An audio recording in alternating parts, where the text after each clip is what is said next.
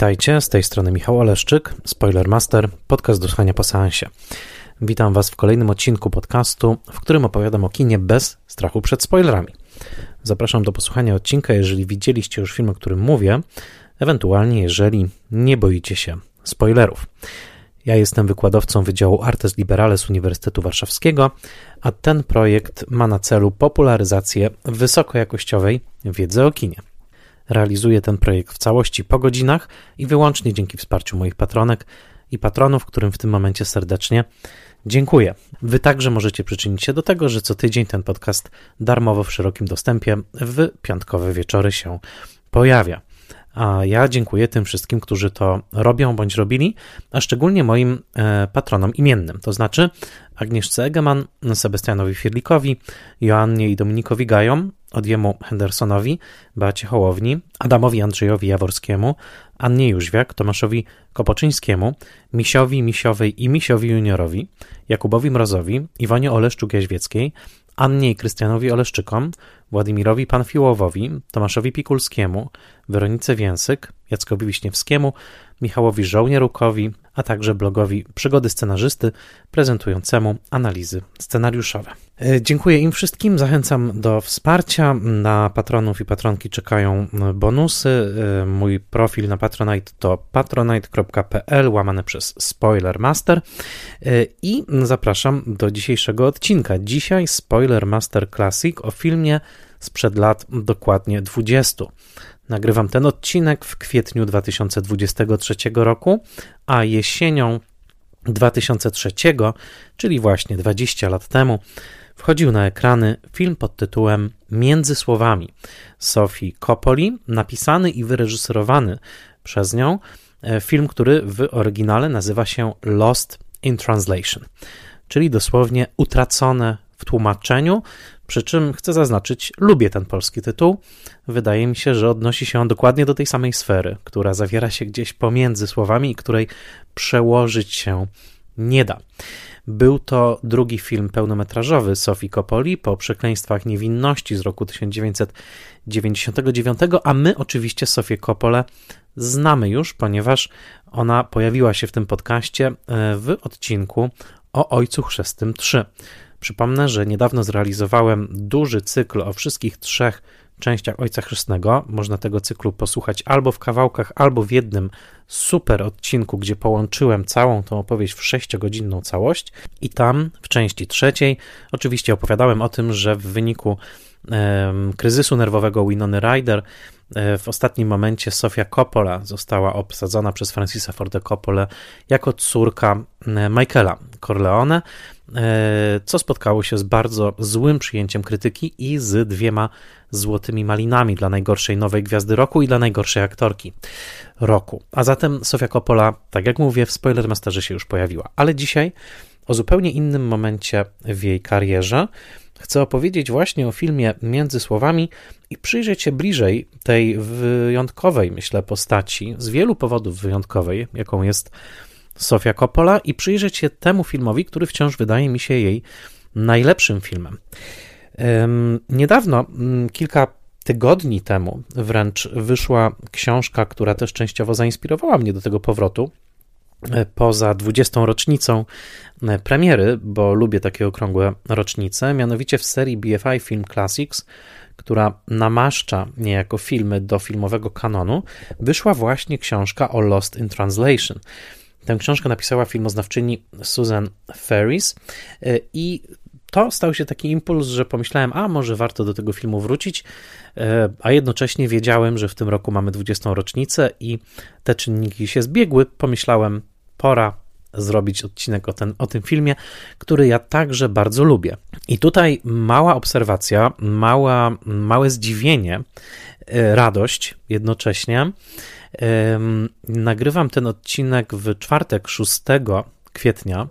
E, wczoraj, w środę 5 kwietnia, jak zawsze we środę, zasygnalizowałem na moim profilu na Facebooku, na fanpage'u Spoilermastera. Jeżeli nie śledzicie, to zachęcam, żeby śledzić i na moim Instagramie, Spoiler Master Podcast, no, że właśnie ten film będzie bohaterem odcinka e, Spoiler Master Classics w piątek, czyli w ten dzień, kiedy wy już tego odcinka e, słuchacie.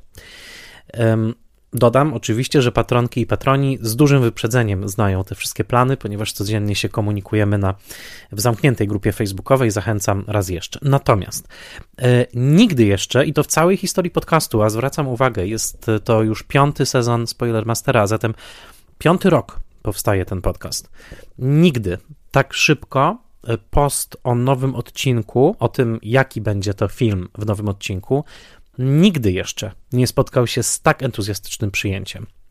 Ponad 500 lajków to jest rekord. Nigdy jeszcze nie było tylu lajków pod postem o nowym filmie. E, a dodam, że poprzedni rekord, nie pamiętam ile lajków dokładnie było, na pewno nie 500, należał do Ojca Chrzestnego, do momentu, w którym e, wrzuciłem informację, że będzie odcinek o Ojcu Chrzestnym, e, kiedy ją już upubliczniłem poza kręgiem patronów.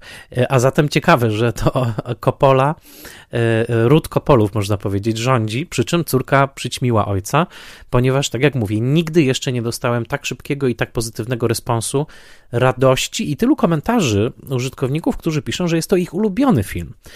E, I trochę mnie to zaskoczyło, bo wiedziałem, że jest to film lubiany, ale nie spodziewałem się aż takiego, można powiedzieć, wylewu miłości pod jego adresem. I pomyślałem, aha, e, to jest coś bardzo ciekawego, że ten film jest właśnie po latach, po dwóch dekadach tak bardzo pamiętany. No i oczywiście to zbiegło się z przygotowaniami do tego odcinka. E, obejrzałem go dwukrotnie, ponownie. Po raz pierwszy go widziałem 20 lat temu w kinie pod Baranami w Krakowie. E, e, spędziłem z nim dużo czasu, oczywiście czytałem dużo o Kopoli, wywiadów z nią też obejrzałem sporo. Książka Susan Ferris tu była też dla mnie odnośnikiem. Innymi słowy, jak to zawsze, kiedy nagrywam odcinek Spoilermastera, kiedy się do niego przygotowuję, po prostu zamieszkałem trochę w tym filmie na tym polega moje przygotowanie, żeby po prostu dużo możliwie czasu spędzić z materiałami, z samym filmem, żeby go na nowo poczuć. No i y, ten odcinek jest takim świadectwem tego, tych moich przemyśleń, tych moich odkryć, tego, co, czego się także dowiedziałem, przygotowując ten odcinek. A zatem zabieram Was w podróż do Tokio, zabieram Was w podróż do filmowego mm, Tokio mm, Sofii Coppoli y, i opowiem Wam trochę o tym, w jakim punkcie kariery jej ten film się pojawił, no i co znaczył wtedy, a co znaczy e, dzisiaj, ponieważ był to także film otoczony pewną kontrowersją, o czym opowiem. Natomiast e, w trakcie przygotowania, i tutaj twierdzę, że jakieś dobre gwiazdy czuwają nad Spoilermasterem, e, patrząc na daty, zdałem sobie sprawę z jeszcze jednej ładnej symetrii. Otóż nie tylko mamy 20. rocznicę premiery tego filmu w tym roku, ale na dodatek jest taki ładny rym. Mianowicie mm, Bill Murray, kiedy występował w tym filmie w roli Boba Harrisa, o tym zaraz więcej, y, miał 52 lata. Zdjęcia były jesienią 2002 roku w Tokio. Y, y, Murray urodził się w 1950 roku, a zatem miał właśnie 52 lata. I tak się składa, że już za miesiąc, 14 maja, 2023 roku, to Sofia Coppola skończy 52 lata. A zatem nagrywam ten film w momencie, kiedy ona sama zbliża się do tego wieku, który miał ów starszy bohater. E, ów starszy bohater w między słowami, czyli właśnie Bob, czyli właśnie Bill Murray. E, o ile sama e, Coppola miała 31 lat w momencie kręcenia tego filmu, a zaczęła go pisać jeszcze pod koniec swoich lat 20., no wtedy zdecydowanie była bliżej 18-letniej tak naprawdę e, e, Scarlett Johansson występującej jako Charlotte. O tyle teraz mamy już ten moment, w którym mm, Coppola zbliża się do tego wieku, w którym był jej bohater Bob. I swoją drogą to też jest ciekawe, ponieważ bardzo chciałbym zobaczyć film Sofii Coppoli poświęcony kobiecie właśnie w takim wieku. Coppola zasłynęła jako kronikarka e, życia nastolatek, już w swoim pierwszym krótkim filmie Leak the Star, ale także później w e, Przekleństwach Niewinności. Mm, także Scarlett Johansson ma 18 lat w momencie kręcenia e, między słowami, e, tudzież młodych kobiet, mm, jak chociażby w Marii Antoninie, czy w postaci Elle Fanning, córki w filmie Somewhere. A tymczasem bardzo ciekawie byłoby zobaczyć ją właśnie jako reżyserkę filmu o kobiecie, która przekroczyła pięćdziesiątkę. Liczę na to, a myślę, że raz jeszcze powtórzę, nie może być lepszego momentu czasowego do ponownej rozmowy o między słowami niż właśnie ten moment, w którym się znajdujemy. Sofia Coppola przyszła na świat 14 maja roku 1971 i była chyba najbardziej oglądanym niemowlakiem wszechczasów, ponieważ wystąpiła jako chrzczone niemowlę, męskie dodajmy, w słynnej scenie chrztu kończącej pierwszego ojca chrzestnego. E, później Sofia Coppola wystąpi jeszcze w kilku filmach swojego ojca. Dostrzeżemy ją na przykład w scenie w Dinerze w filmie e, Outsiderzy albo w e, Peggy Sue wyszła za mąż, gdzie gra siostrę Kathleen Turner już w momencie, kiedy Kathleen Turner cofa się w czasie. I oczywiście życie Sofii Coppoli jest no, nieprawdopodobnie naznaczone na wielu poziomach i to na dobre i na złe. E, faktem, że jest córką Francisa Forda Coppoli. E, troszkę nie da się mówić o tej karierze, nie zwracając uwagi na to, że losy Sofii były tak mocno splecione i też nie zawsze szczęśliwie, chociaż mm, przede wszystkim szczęśliwie, e, z losami Francisa Forda Coppoli, ale także całej jej rozległej filmowej rodziny. Mm, matki Leonor Coppoli, pisarki, później także reżyserki, brata Romana, który stał się także producentem. E, oczywiście także brata Gino, który zmarł, kiedy ona była e, nastolatką, zginął na wypadku na łodzi, to o tym opowiadałem w odcinku Ojcu Chrzestnym 3. No i kuzynostwa, to znaczy Nicolasa Cage'a, e, Jasona Schwartzmana, ciotki Tylee Shire. To jest oczywiście wielka filmowa familia i nie jest przypadkiem, że Sofia oczywiście od młodego wieku, w tym bardzo skupionym na celebrowaniu życia, smaku, kuchni, sztuki, e, otoczeniu Kopoli, że ona także zaczyna się tymi rzeczami interesować, przy czym musimy pamiętać, że tego typu wychowanie wiąże się nie tylko z przywilejem oczywistym, często także krytykowanym obecnie. Sofia Coppola jest niemal taką emblematyczną nepo baby, jak to się mówi o tych właśnie dzieciach uprzywilejowanych, wysoko postawionych osób, między innymi w Hollywood ale razem z tym pochodzeniem oczywiście też wiąże się duże oczekiwanie, duża presja na wybór drogi życiowej. I Sofia Coppola przekonała się o tym szybko, jak bardzo brutalnie mogą być oceniane jej wysiłki, e, zwłaszcza wtedy, kiedy no, publiczność i krytycy widzą je jako nieudane. E, ona była współautorką scenariusza krótkiej nowelki E, Francisa Forda Coppoli, którą ten włączył do filmu zbiorowego pod tytułem New York Stories Life Without Zoe. I tam już ten scenariusz został mocno skrytykowany.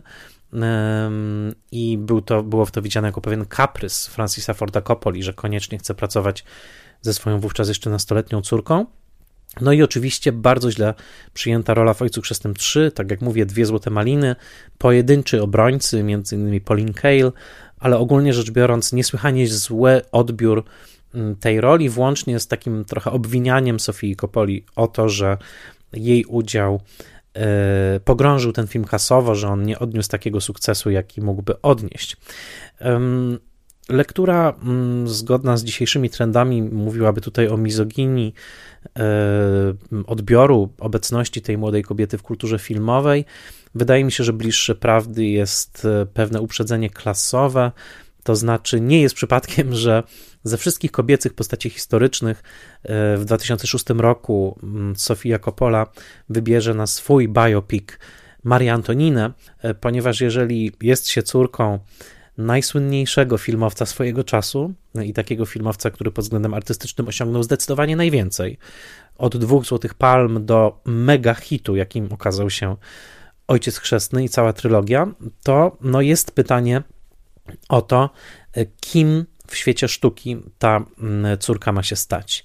I wydaje mi się, że droga Kopoli, jeżeli nawet oddzielić te wszystkie nieprzychylne jej komentarze właśnie o tym, że zawsze miała łatwiej, że oczywiście łatwiej jej było. Jako właśnie córce Kopoli, której też dodajmy, ojciec był koproducentem wszystkich jej filmów, która korzystała także z infrastruktury firmy producenckiej American Zoetrope, której korzenie opisałem w odcinku o Ojcu Chrzestnym 3. Jeżeli oddzielimy to wszystko, to też zobaczymy, że Coppola y, szuka i jest bardzo wszechstronna w mm, formowaniu tej swojej artystycznej drogi, ponieważ ona, y, nie, to nie było tak, że ona od razu się zainteresowała filmem, troszkę jak bohaterka między słowami, czyli Charlotte, właśnie szukała owej drogi najlepszej ekspresji. Ponieważ miała bardzo rozwinięty zmysł estetyczny, trochę nic dziwnego, a jednocześnie oczywiście są to jej naturalne predyspozycje, ona interesowała się bardzo modą, sztukami wizualnymi, e, malarstwem i mm, także modelingiem. E, I od wczesnego wieku była zainteresowana tworzeniem także mm, swoich projektów ubrań. E, stworzyła linię ubrań, markę Milk Fed, która do dzisiaj funkcjonuje w Japonii właśnie, a także była modelką między innymi dla e, Marka e, Jacobsa. E, tworzyła także mm, reklamy, między innymi dla marki Gap czy Dior i mm, była mocno zaangażowana w scenę muzyczną. W ogóle wrażliwość Sofii Coppoli na muzykę jest ogromna i muzyka bardzo współtworzy geniusz jej filmów i występowała w wideoklipach, a także E, była autorką wideoklipów i wystąpiła m.in. w teledysku do piosenki Electrobank Chemical Brothers, który reżyserował Spike Jones, jej mąż, między rokiem 99 i 2003, czyli tym rokiem, kiedy miała, miało premierę między słowami. O, o tym jakby udziale Jonesa w tym wszystkim za chwilę, ale także reżyserowała swoje e, wideoklipy. E, między innymi Playground Love dla grupy R, czy City Girl dla Kevina Shieldsa, to klip związany z między słowami, ale pracowała także z grupami takimi jak The White Stripes, czy Phoenix, też obecny na soundtracku z Lost in Translation. A zatem e, widzimy, że ona jest bardzo zainteresowana w ogóle formą artystyczną, każdym aspektem, scenografią, kostiumem e, i tym, jak obraz i film mogą brzmieć, ponieważ muzyka, raz jeszcze to powtórzę, jest absolutnie kluczowa, jeżeli chodzi o tworzenie przez Sofię Coppolę jej świata. Na drogę filmową Sofia Coppola na dobre wchodzi pomiędzy rokiem 1998 a 9. To znaczy w momencie, kiedy jest już kobietą ponad 20-letnią, kiedy ma już za sobą przygody i z designem, i z modą, i z fotografią, i z modelingiem, i oczywiście z aktorstwem, bo to nie tylko Ojciec Chrzestny 3, ale przede wszystkim. Y, I to jest ten moment, kiedy ona kręci w 1998 roku krótki metraż na czarno-białej taśmie pod tytułem Leak the Star, który pokazuje grupę młodych dziewczyn w e, szkole średniej amerykańskiej, które są zaangażowane w, taki, w taką mocną rywalizację na polu władzy pomiędzy sobą, ale także na polu piękna, na polu tego, która z nich będzie trzymała największy taki kapitał społeczny w szkole. E, I jednocześnie jest tam pewna tajemnica związana z planami podtrucia mężczyzn w tej szkole.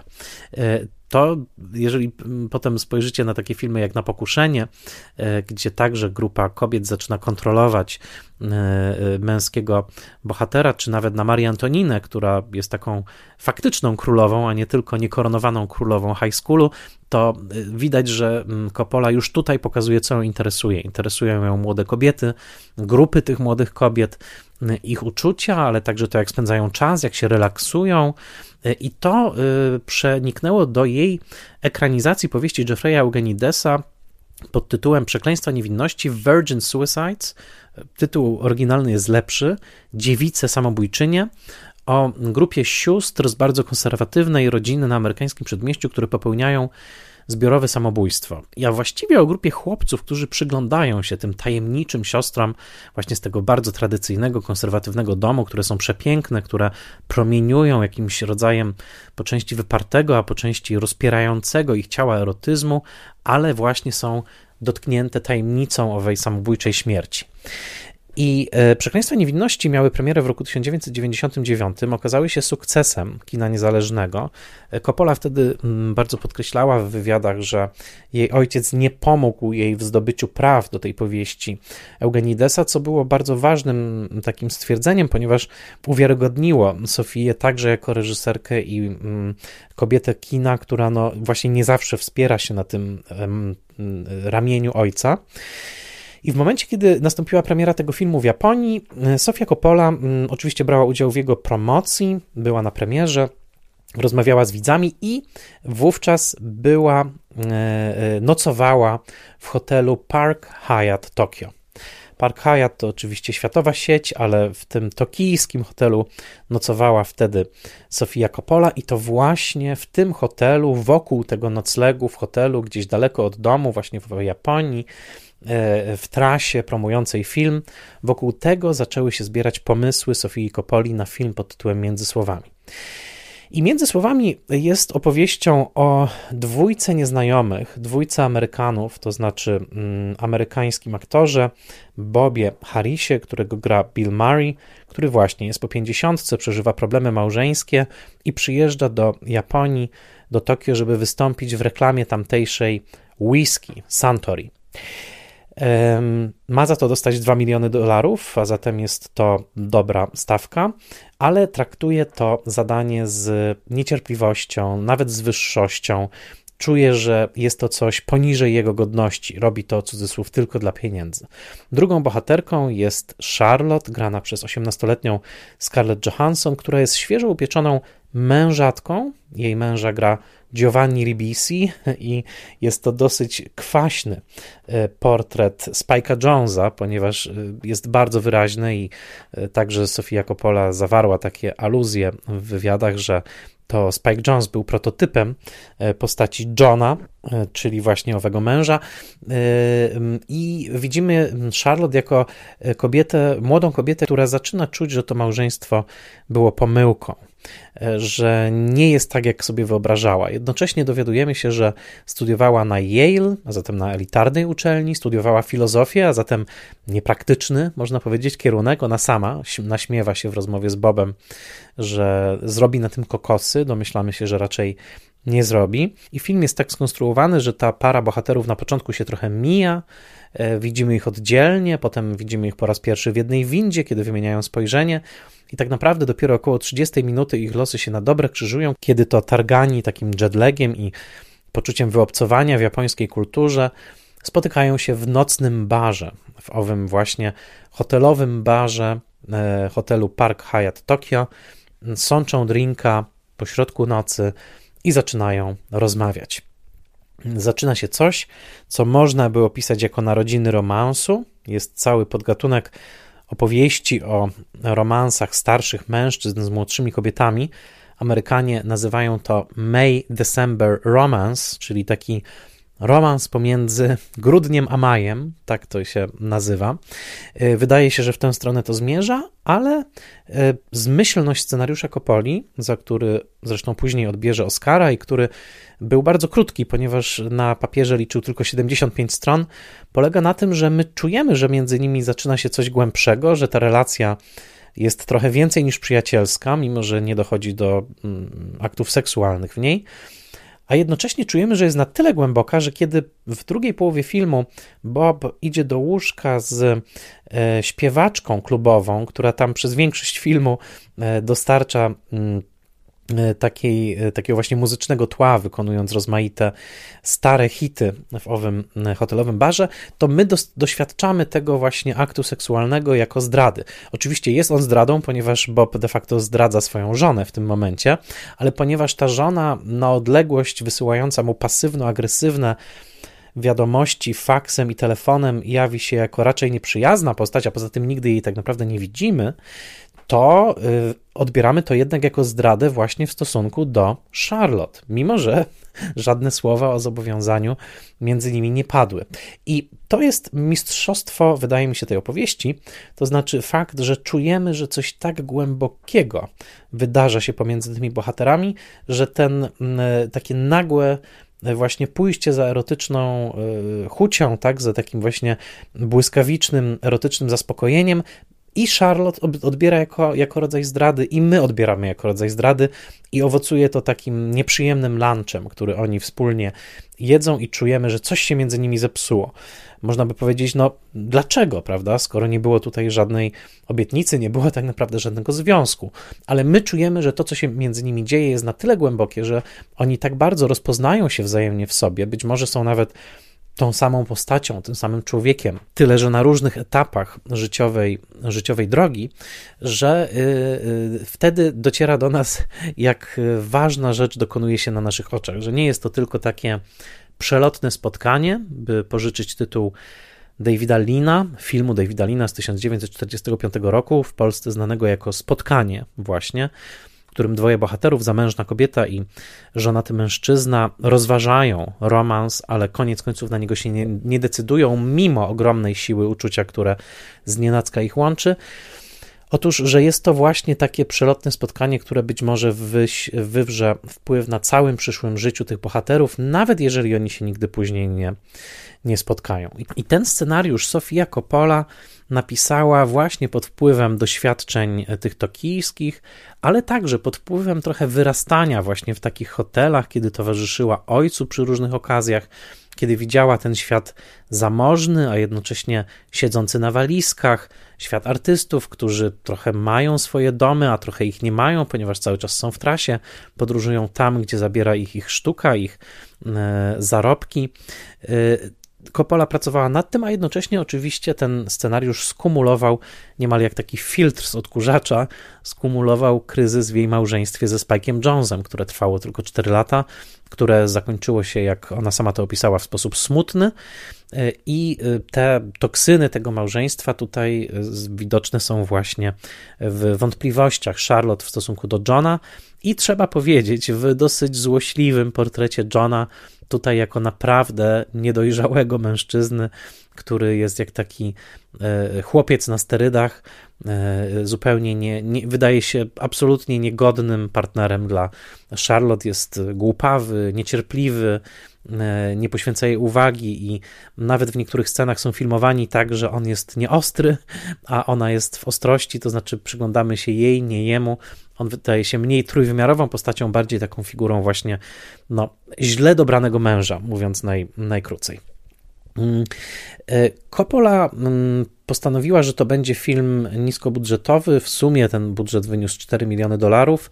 E, postanowiła też, że to będzie film kręcony przez małą ekipę w Tokio, w żadnym studio, tylko właśnie w prawdziwych lokacjach co zaowocowało chwilami takim poczuciem, że jest to trochę jak film dokumentalny, zwłaszcza w scenach, w których Bob i Charlotte biegają po ulicach Tokio, po salonach gry w pachinko czy po nocnych klubach tokijskich. Y, film zamienia się w rodzaj dokumentu z życia japońskiej ulicy, ale jednocześnie Coppola wiedziała, że powodzenie tak intymnej historii historii, która jest utkana z malutkich momentów, z malutkich, delikatnych scen i która tak naprawdę pozbawiona jest jakiejś wielkiej dramaturgii, poza tym, że mamy tutaj właśnie serię spotkań i powolne zdanie sobie sprawy z tego, że jest to ważna relacja. Otóż Coppola rozumiała bardzo dobrze, że powodzenie tego projektu będzie zależało od obsady. I o ile miała wielką pewność, że młodziutka Scarlett Johansson podoła temu zadaniu, o tyle miała równie mocną pewność, że film nie uda się, jeśli Boba nie zagra Bill Murray. I wydaje się, że właśnie w tym spotkaniu Sophie Coppoli, Scarlett Johansson i Billa Murray'a jako tego kluczowego elementu układanki rodzi się magia między słowami. Wyobraźcie sobie ten film z jakimkolwiek innym aktorem, którego sława przypadała na przede wszystkim lata 80. Na przykład wyobraźcie sobie o zgrozo ten film z Michaelem Douglasem w roli Boba. No, wydaje mi się, że byłby to nagle film na myśl, o którym byśmy wręcz e, skręcali się, tak? E, czulibyśmy, że Douglas reprezentuje sobą coś bardziej seksualnego, bardziej śliskiego, może nawet może trochę drapieżnego. Wyobraźmy sobie Jacka Nicholsona w tej roli. Znowu chyba będziemy mieli podobną e, reakcję. Natomiast Bill Murray to był niesamowicie natchniony wybór. Nie tylko, że trudno było do niego dotrzeć, ponieważ Bill Murray słynął z tego, że jest ekscentryczny, że nie ma swojego agenta, że można do niego dotrzeć tylko przez wspólnych znajomych i też nie zawsze oddzwoni. E, Coppola musiała do niego dzwonić i zostawiać mu wiadomości na automatycznej sekretarce kilkadziesiąt razy, zanim się do niej odezwał z powrotem. E, ale przede wszystkim ze względu na personę, jaką Bill Murray projektował w trakcie swojej aktorskiej kariery. Kiedy film już wszedł na ekrany, krytyk David Ansen napisał bardzo przenikliwie, że między słowami to jest spotkanie Saturday Night Live z Czechowem. I jest to prawda, ponieważ w roli Billa Mareya spotykają się dokładnie te dwa światy. Saturday Night Live, program komediowy nadawany na żywo z Nowego Jorku od końcówki lat 70., to była kuźnia geniuszy komediowych, gdzie Bill Murray był częścią oryginalnej obsady właśnie pod koniec lat 70. i gdzie naprawdę dawał czadu. Ja o tym kiedyś mówiłem w którymś z odcinków. Jeżeli możecie obejrzeć wczesne odcinki SNL, obejrzyjcie je, ponieważ to jest grupa geniuszy w akcji. I to, co wyprawia tam Bill Murray, jest naprawdę niesamowite. Było to humor odważny, szalony, często surrealistyczny. Z drugiej strony ów Czechow, czyli właśnie ten cały smutek, który odnajdujemy w twarzy Boba Harrisa, smutek złych wyborów, być może braku przekonania o tym, że jego kariera się w jakikolwiek sposób rozwija, na pewno ból małżeństwa, które się na odległość przez faks i telefon właśnie rozpada. To jest ten Czechow. I y, geniusz Kopoli, która tak bardzo uparła się na Mareya, jest ewidentny. Murray słynął z tego między innymi, że nie podpisywał nigdy kontraktów, to znaczy nie podpisywał umów albo podpisywał je z dużym opóźnieniem. I e, on powiedział: Będę na Twoim planie, przyjadę, ale nie podpisał żadnej umowy. E, Coppola wydała jedną czwartą budżetu tego filmu. E, zdjęcia były już ustawione, miały się rozpocząć za kilka dni w Tokio. Ona już była w Tokio i ona wciąż nie miała sygnału od Billa Mareya. Nie wiedziała, czy on się pojawi, czy nie. Wes Anderson, który wyreżyserował Mareya w filmie Rushmore w 1998 roku, uspokajał Kopole, mówiąc: Słuchaj, jeżeli powiedział, że będzie, to będzie, ponieważ tak działa Bill. On działa właśnie poza tym sztywnym systemem umów, agentów, etc. I rzeczywiście się pojawił. Uwierzył w projekt Kopoli, dał temu filmowi całe serce i doczekał się Oscarowej nominacji. E, niespełnionej, ponieważ tego roku wygrał Sean Penn za Rzekę Tajemnic, ale mimo to Murray dał jeden z wielkich ekranowych występów, pokazał cały smutek i cały ukryty humor e, Boba Harrisa w filmie Między Słowami. I jeżeli mówimy o geniuszu Coppoli, to musimy powiedzieć, że ten geniusz się przejawia i w scenariuszu, utkanym z bardzo drobnych zdarzeń, a jednak nabierającym mocy dramatycznej, i w castingu, ponieważ z innym castingiem, z innym aktorem w roli głównej to nie udałoby się tak dobrze, ale także, i tutaj dochodzimy do trzeciej warstwy, w uruchomieniu całej warstwy zmysłowej tego filmu. To znaczy i zdjęć Lansa Akorda kręconych na taśmie, na taśmie o wysokiej czułości, która pozwoliła na kręcenie w nocnych lokacjach Tokio i w muzyce. Opiekunem muzycznym był Brian Rachel, który przygotował cały, można powiedzieć, mixtape tego filmu z bardzo różnymi utworami, od Elvisa Costello po Jesus and Mary Chain i grupę Phoenix i Death in Vegas i Square Pusher. Otóż e, ci współpracownicy absolutnie przyczynili się do tego, że film uzyskał pewną gęstość, pewną taktylność. W tym filmie nie ma zupełnie turystycznych ujęć Tokio. Kamera patrzy tak szeroko otwartymi i tak zdziwionymi oczami, jak sami bohaterowie. Nie jest łapczywa, chwilami jest przygnieciona ogromem neonowego miasta, a chwilami jest pokorna w chłonięciu jego piękna. I ta gęstość obrazowo-muzyczna fakt, że w tym filmie rzeczywiście chwilami może się nic nie dziać, tak jak w długiej scenie podróży metrem, chociażby do jednej ze świątyń tokijskich, a jednocześnie cały czas trwa ten, użyję tego słowa, ambient, to znaczy ambient muzyczny, atmosfera muzyczna, pewna wibracja dźwiękowa, ale także kolorystyczna, która sprawia, że nawet kiedy w tym filmie dzieje się naprawdę niewiele obiektywnie, czujemy, że bardzo dużo dzieje się w bohaterach że dla nich odkrywanie tej przestrzeni Tokio chwilami jest bardzo cierniste, jak wtedy, kiedy odbijają się od źle przetłumaczonych fraz, od językowej obcości, ale chwilami jest naprawdę bardzo zmysłowe i fascynujące. I to udaje się w tym filmie bardzo dobrze. Na pewno można ten film zestawić z innymi dokonaniami zachodnich twórców, którzy także zanurzali się w Tokio i w ciekawy sposób komentowali, prezentowali swoje wrażenia z tych wypraw do Japonii. Na pewno kimś takim był Chris Marker, który stworzył esej wizualny Bez Słońca, Sun Soleil, czy Wim Wenders, który stworzył słynny film pod tytułem Tokyo Ga. Ale kimś takim jest także e, Sofia Coppola i warto to docenić. Ale film także nie obył się bez pewnych kontrowersji. Na to też chcę zwrócić uwagę. Mianowicie kontrowersje były głównie dwie. Pierwsze ujęcie tego filmu, zupełnie pierwsze, to jest ujęcie pupy Scarlett Johansson. Pierwsze ujęcie przedstawiające bohaterkę Charlotte pokazuje ją nie tylko, że od tyłu, ale na dodatek w prześwitujących różowych majteczkach. To ujęcie do, doczekało się sporej krytyki z punktu widzenia feministycznego. Ostatnio, jeżeli widzieliście film esej Niny Menkes pod tytułem Brainwashed, tam to ujęcie jest bardzo skrytykowane. No bo jak to? Tutaj pokazujemy Billa Mareya jako pełnowymiarowego bohatera, zaczynamy od jego portretu, pokazujemy jego oczy, twarz, a Scarlett Johansson będziemy przedstawiać przez jej pupę. Także to ujęcie wywołało kontrowersję, ale jednocześnie jest to ujęcie, uważam, bardzo dobre i świetnie oddające ten, te, cały, cały, całą atmosferę tego filmu, ponieważ wydaje mi się, że to jest ujęcie, które bardzo subtelnie gra z konwencjami przedstawiania kobiecego ciała w kinie. Po pierwsze, Coppola podkreślała, że to ujęcie nawiązuje do całej serii obrazów fotorealistycznych, jakie namalował niejaki John Cassere. E, to są obrazy, które właśnie pokazywały różne kobiece pupy, ale nie tyle wypięte prowokacyjnie do oka patrzącego, ale raczej podpatrzone w takiej właśnie sytuacji bardzo intymnej, codziennej, jaką jest drzemka, jaką jest drzemka na boczku. Wydaje mi się, że drzemanie na boczku jest być może najprzyjemniejszą czynnością życia, e, powiem prowokacyjnie, na pewno najbardziej błogą, kiedy możemy właśnie po południu e, zignorować wszystkie obowiązki, albo może ich nie mamy w tym momencie i możemy sobie tak po prostu podrzemać. I wydaje mi się, że dokładnie w taką intymność takiej drzemki na boczku wprowadza nas to pierwsze ujęcie. To nie jest ujęcie E, wulgarne.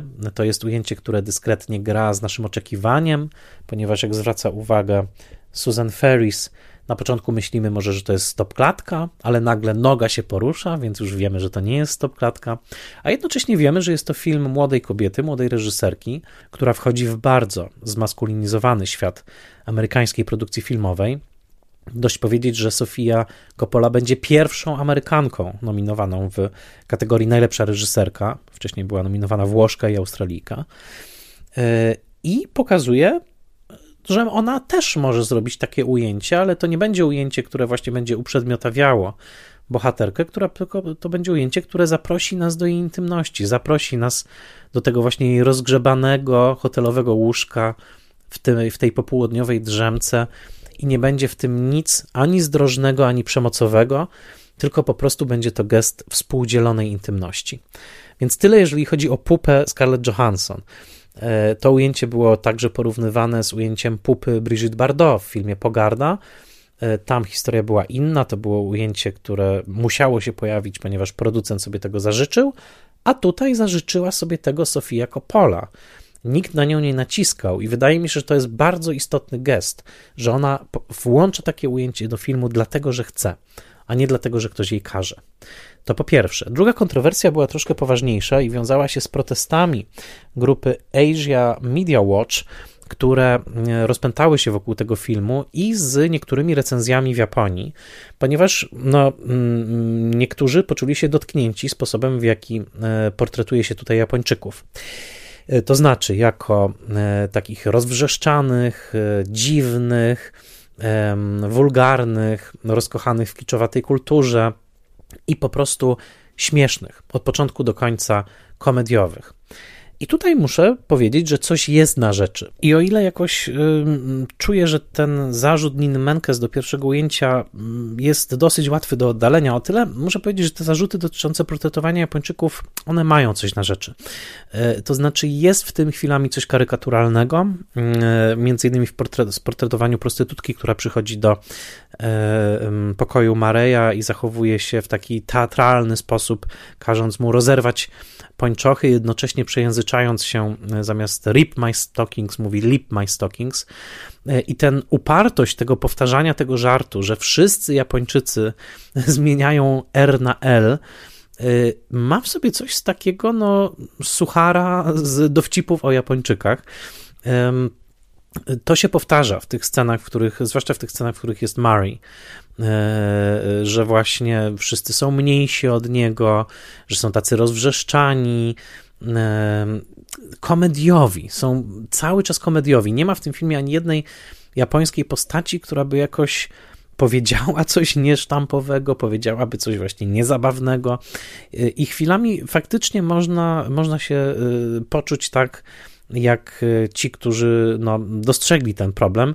No i właśnie kierowano takie zarzuty pod adresem Kopoli, że ona no, jest tą właśnie uprzywilejowaną białą kobietą, która wychowała się w ogromnym zbytku, podróżowała po tych hotelach na świecie, no i że dla niej owi Japończycy to jest tylko zabawne tło ale jednocześnie trzeba przywołać kontrargument i on też jest bardzo ważny i wydaje mi się, że koniec końców on przeważa. Mianowicie o tym, że portret Japonii w tym filmie jest rozdwojony. To znaczy, że do, do pewnego momentu ta Japonia wydaje się taka właśnie przesadzona, zabawna, i dziwna, ale jednocześnie ten portret jest cały czas przełamywany e, momentami, które są o wiele bardziej skomplikowane. To są między innymi wizyty postaci Charlotte w świątyniach Jogan-ji i Nanzen-ji, e, ta druga w Kyoto, gdzie widzimy obserwowanie e, przez Charlotte rytuałów e, modlitwy, ale także zaślubin z, pewnym, z pewną fascynacją, ale i dystansem. Jest też moment, kiedy Charlotte zostaje zaproszona do układania kwiatów w, tradycy, w tradycyjnej sztuce ikebany i ona robi to z pewną rezerwą, nie do końca potrafi się zaangażować w ten rytuał. To nie jest tak, że to spojrzenie właśnie tej bohaterki y, jest w jakiś taki naiwny sposób idealizujące. Ona obserwuje ten świat z fascynacją, ale wydaje się też, że nie potrafi się w niego zaangażować. Y, I to komplikuje trochę cały portret, a najbardziej komplikuje to scena w barze karaoke, kiedy Charlie, y, to znaczy mm, zagrany przez mm, Fumihiro Hayashiego, e, przyjaciel e, Charlotte, zaczyna śpiewać piosenkę Sex Pistols pod tytułem God Save the Queen. I tak się składa, że kiedy Charlie śpiewa tę punkową piosenkę w jakimś takim właśnie e, klubie karaoke, ale bardziej można powiedzieć niszowym, troszeczkę poza głównym nurtem, to on śpiewa wszystkie R nie tylko bardzo dobrze, ale jednocześnie bardzo wyraźnie, bardzo podkreślając tą głoskę R. E, innymi słowy, wydaje mi się, że Coppola mówi w tym filmie coś takiego, że jest warstwa kultury japońskiej, takiej bardzo merkantylnej, bardzo nastawionej właśnie na zyski, bardzo mainstreamowej. No, ta warstwa, która mm, płaci 2 miliony dolarów, żeby amerykańska gwiazda filmowa przyjechała i zareklamowała whisky, i ta warstwa, która jest powierzchownie także zafascynowana kulturą amerykańską, czy to będzie Roger Moore, czy Rat Pack, czy latpak, jak tutaj e, mówi reżyser w pewnym momencie, ale że ta warstwa, jakby to oblicze kultury japońskiej, ono jest równie powierzchowne i równie oparte na pewnym fałszu, jak komercyjna kultura amerykańska, ponieważ nie łudźmy się, to zwierciadło ma dwie strony. Amerykańska kultura w tym filmie zostaje także pokazana w sposób prześmiewczy. Kelly, grana przez Anne Faris, zresztą w znakomitej małej roli, czyli um, aktorka amerykańska, która przyjechała do Tokio promować swój akcyjniak, swój film akcji pod tytułem Prędkość o północy, jest zaprojektowana jako twarz takiej kalifornijskiej pustoty. E, Kelly jest e, nie mądra, nie wie, że Evelyn Waugh był mężczyzną, używa tego imienia właśnie jako imienia żeńskiego.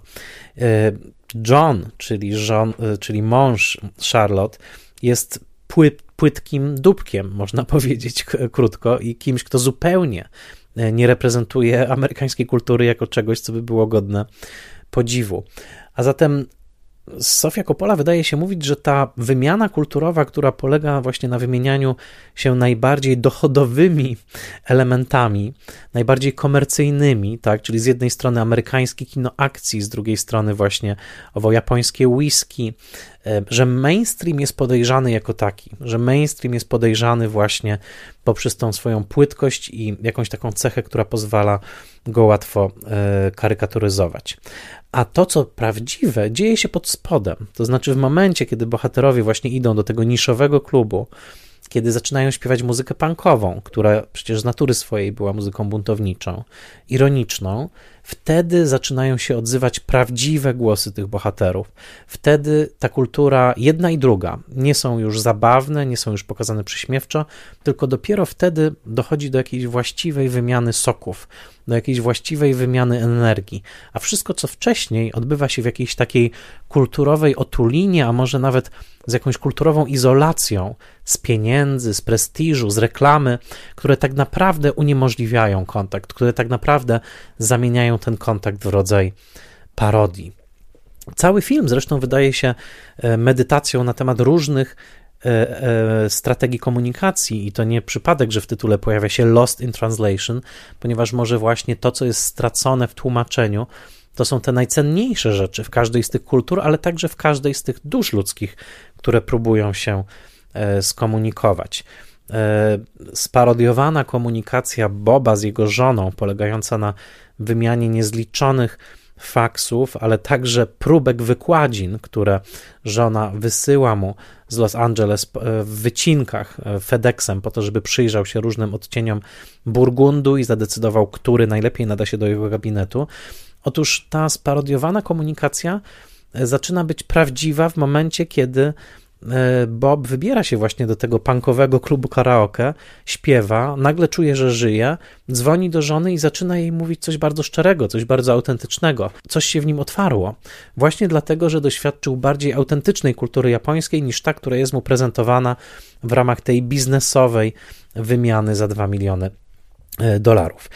E, I tak bym chyba bronił tego aspektu filmu Kopoli, że są tu momenty, w których może wydawać się, że ona E, w sposób taki właśnie e, poniżający wręcz prezentuje owych Japończyków, ale jeżeli tylko dostrzeżemy jej brutalną ironię w stosunku chociażby do postaci Kelly i zrozumiemy, że ona tylko na tym poziomie właśnie bardzo powierzchownym pozwala sobie na takie żarty, ale w momencie, kiedy już schodzi trochę niżej, pokazuje coś o wiele bardziej zniuansowanego, wtedy wydaje mi się, że także te zarzuty można z powodzeniem E, oddalić. Poza wszystkim innym, wydaje mi się, że jest to wspaniały film o delikatności uczuć, ale także wspaniały film o tym, jak bardzo nasze uczucia zależą od przestrzeni, w której je przeżywamy. Jest to, innymi słowy, wielki film hotelowy.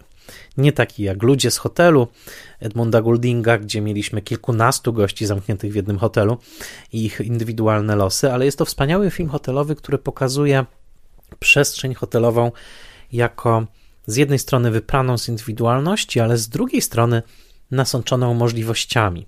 Te wszystkie korytarze, drzwi, bar hotelowy, wielkie okna, roz, z których rozpościera się widok na Tokio, to jest przestrzeń, w której bohaterzy wydają się zawieszeni pomiędzy swoim życiem do tej pory i tym życiem, które zacznie się wraz z końcem ich podróży, i wydaje się, że tam otwierają się jakieś niesamowite możliwości wzajemnego kontaktu, czy to przelotnego, erotycznego, czy to bardzo głębokiego, jakiego doświadczają Bill, jakiego doświadczają Bob i Charlotte, chociażby oglądając późną nocą Słodkie życie Feliniego z napisami japońskimi, ten piękny ukłon Kopoli w stronę klasyka Federico Feliniego, o którym opowiadałem też w Spoilermasterze, e, jest przecież ukłonem także do innego wielkiego filmu o nudzie zamożnego życia, ponieważ La Dolce Vita, słodkie życie, to było właśnie owo życie zamożne klasy rzymskiej i także show biznesu rzymskiego, w którym gdzieś pod spodem, jeżeli tylko postukać,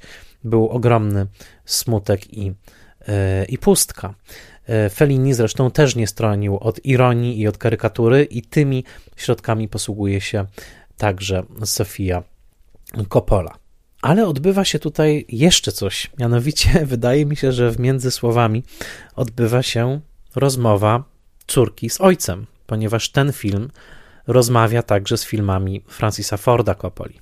I to już jest coś bardziej subtelnego, ale jeżeli przyjrzymy się chociażby Deszczowym Ludziom z 1969 roku, gdzie bohaterka Shirley Knight także odchodziła od swojego małżeństwa, ponieważ nagle dochodziła do wniosku, że jej wszystkie dotychczasowe życiowe wybory były niewłaściwe i wchodziła w taką sferę bezczasową, bez obowiązków, uciekała właściwie z domu, snuła się przez Amerykę, to wydaje mi się, że mm, w, między słowami mamy okruszek czegoś podobnego, a także przyjrzyjcie się tej scenie, kiedy Bill Murray siedzi z whisky w pięknym skórzanym fotelu pośrodku takiego dębowego obramowania.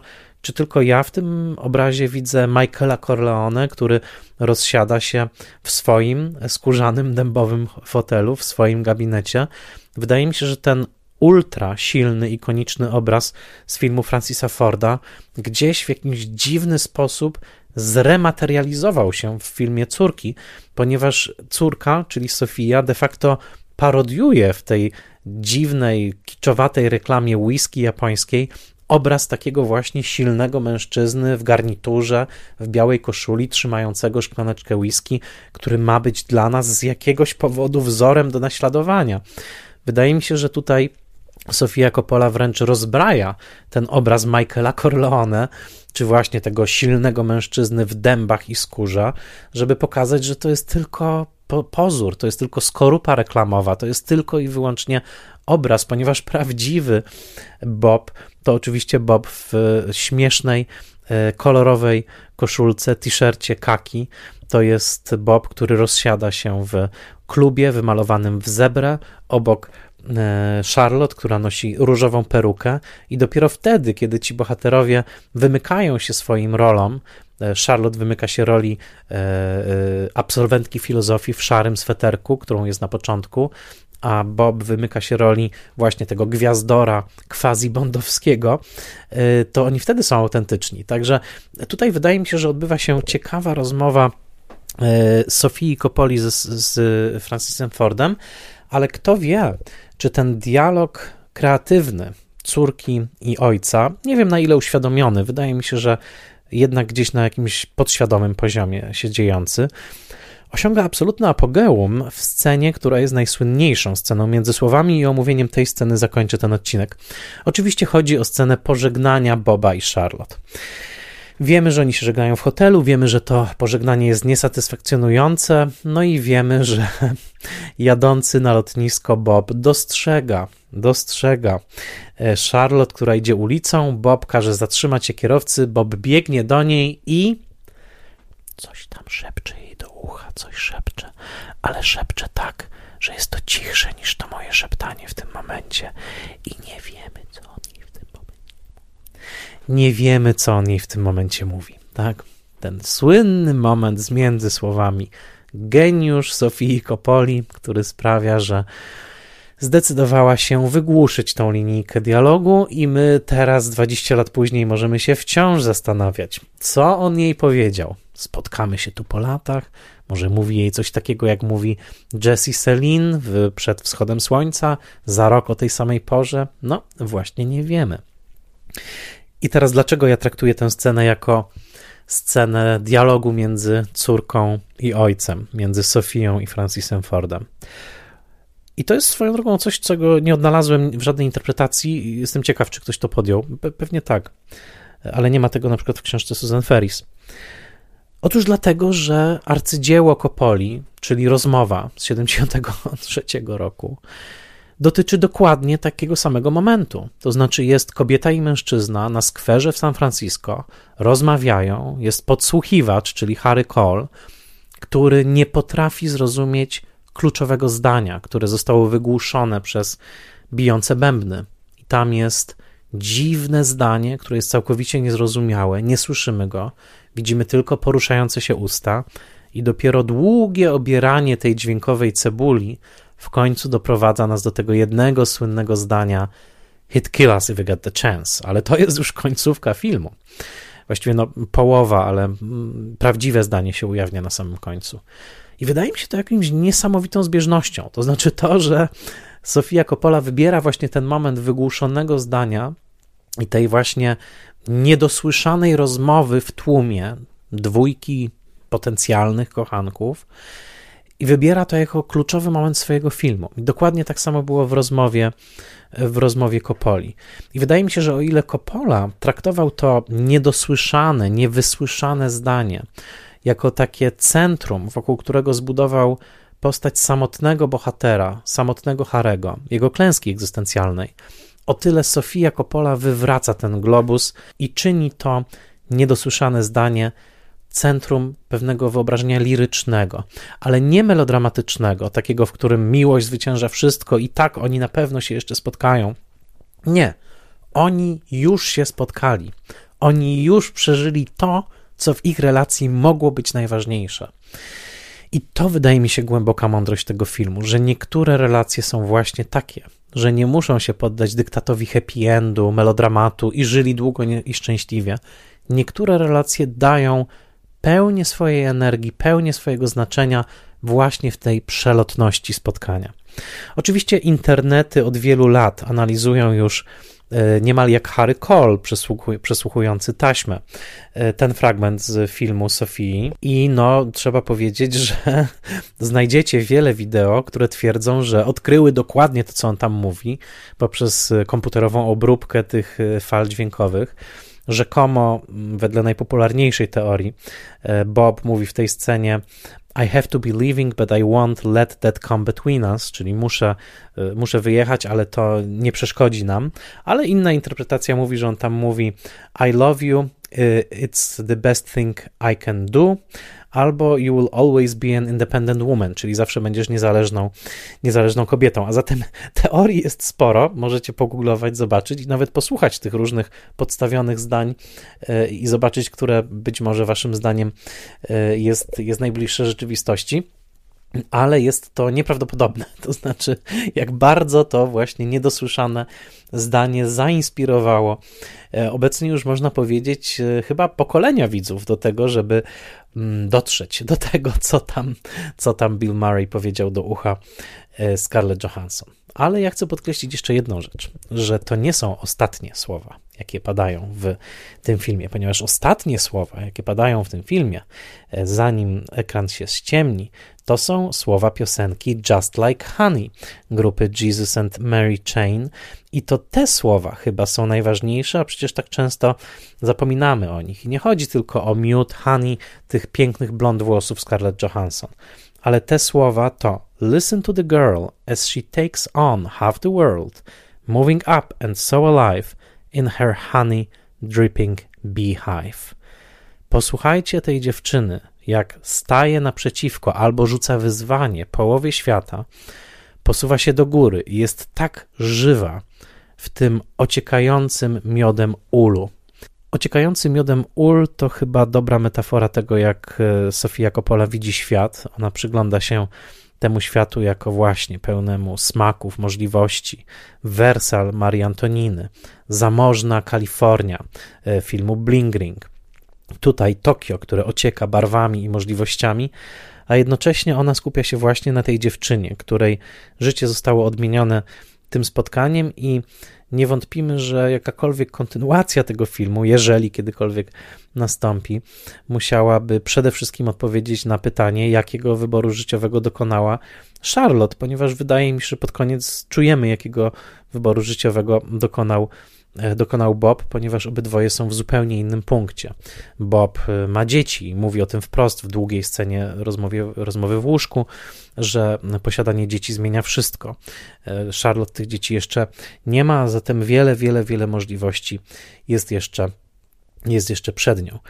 I e, wracam do myśli z początku. Sofia Coppola dzisiaj ma 52 lata, a właściwie będzie miała już za chwilkę, tak jak Bill Murray w momencie kręcenia tego filmu. E, Bill Murray e, występował w 1984 roku w filmie Ghostbusters, Pogromcy Duchów, kluczowej komedii popularnej lat 80. I w 1984 roku, parę miesięcy po premierze Ghostbusters, przyszła na świat Scarlett Johansson. A zatem mamy tutaj taką ładną, e, ładną linię czasu. E, I to, że Bill Murray zasłynął później filmem Dzień Świstaka, w którym także często budził się w pewnym pokoju hotelowym i także dojmująco odczuwał e, bezsens swojego życia, sprawiło, że był idealnym kandydatem do tej roli. Wspaniale, że spotkał się z młodą kobietą, która przychodziła na świat wtedy, kiedy on był u szczytu swojej sławy. I chociaż później Coppola spotka się jeszcze z Billem Murrayem w filmie o wiele mniej udanym i w ogóle nie znajdującym się na tej samej półce artystycznej, co między słowami, mam tu na myśli dostępne na Apple TV na lodzie, gdzie Bill Murray zagra ojca Rashidy Jones, która była rozważana do roli e, Charlotte e, i tam będzie pomagał jej przezwyciężać kryzys małżeński. O tyle bardzo byłbym ciekaw właśnie takiego spotkania po latach, w którym e, Sofia Coppola z perspektywy kobiety już właśnie 52-letniej opowiedziałaby o swoich uczuciach e, w stosunku do tego filmu. E, to, z jaką reakcją spotkał się mój news o tym, że zrobię ten odcinek, dowodzi na to, że ten film wciąż żyje, że wciąż jesteśmy wsłuchani w ten szept Billa Mareya na końcu, w tę rozmowę, a ja pozostaję fanem Sofii Coppoli, chociaż wydaje mi się, że żaden z jej późniejszych filmów nie dotknął tej klasy. Bardzo się też cieszę, że otrzymała Oscara za scenariusz, ponieważ jest to swoiste osiągnięcie, żeby zbudować opowieść, która ma swoją dramaturgię, a jednocześnie ma tak mało zdarzeń, ale nie ukrywam, że czekam na taki film, w którym Coppola znowu stanie się tak osobista, tak szczera i w którym podsumuje swoje E, doświadczenia z tych ostatnich dwóch dekad. E, być może będzie to jakiś sequel, a być może będzie to coś zupełnie innego, ale ta niezwykła młoda kobieta, która dorastała w bardzo wyjątkowych warunkach, ogromnego przywileju, niemal arystokratycznego przywileju, można powiedzieć, znalazła swój filmowy głos. I jest to głos, który rozbrzmiewa w kinie światowym już od ćwierć wieku. I ja zawsze jestem zainteresowany tym, co ona zrobi chociaż najbardziej byłbym zainteresowany tym, żeby znowu sięgnęła nie po to, co bardziej wyraziste i oczywiste, ale właśnie po to, co jest między słowami i to, co tak łatwo zgubić w tłumaczeniu. Film między słowami okazał się ogromnym sukcesem. Cztery nominacje Oscarowe, e, jedna statuetka dla Sofii Coppoli. Niestety brak statuetki dla Billa Mareya i stał się klasykiem XXI-wiecznego kina. Myślę, że zawsze, od czasu do czasu przynajmniej, będzie się w nas budziła taka tęsknota, żeby znowu zgubić się w Tokio z bohaterami e, i jestem bardzo ciekaw, jak wy ten film odbieracie po latach. E, możecie także te swoje wrażenia zawierać w komentarzach. E, zachęcam do tego i jak zawsze zachęcam także do wsparcia, ponieważ to, że wysłuchaliście tego odcinka jest wyłączną zasługą moich patronek patronów, bo bez ich wsparcia nie mógłbym nad nim pracować, nie mógłbym go nagrać. A zatem, jeżeli Wam się podobało, zachęcam do wsparcia patronite.pl łamane przez spoiler master. A teraz zostawiam Was już z tym wspomnieniem Boba i Charlotte, jak coś jest szeptane do ucha, ona odpowiada OK i właśnie wydarza się w nich coś niesłychanie ważnego, co dla nas, widzów, podsłuchiwaczy, podglądaczy, zawsze zostanie tajemnicą. Takich tajemnic Wam w Waszym życiu życzę. Wszystkiego dobrego, pozdrawiam Was i kolejny Spoiler Master już za tydzień.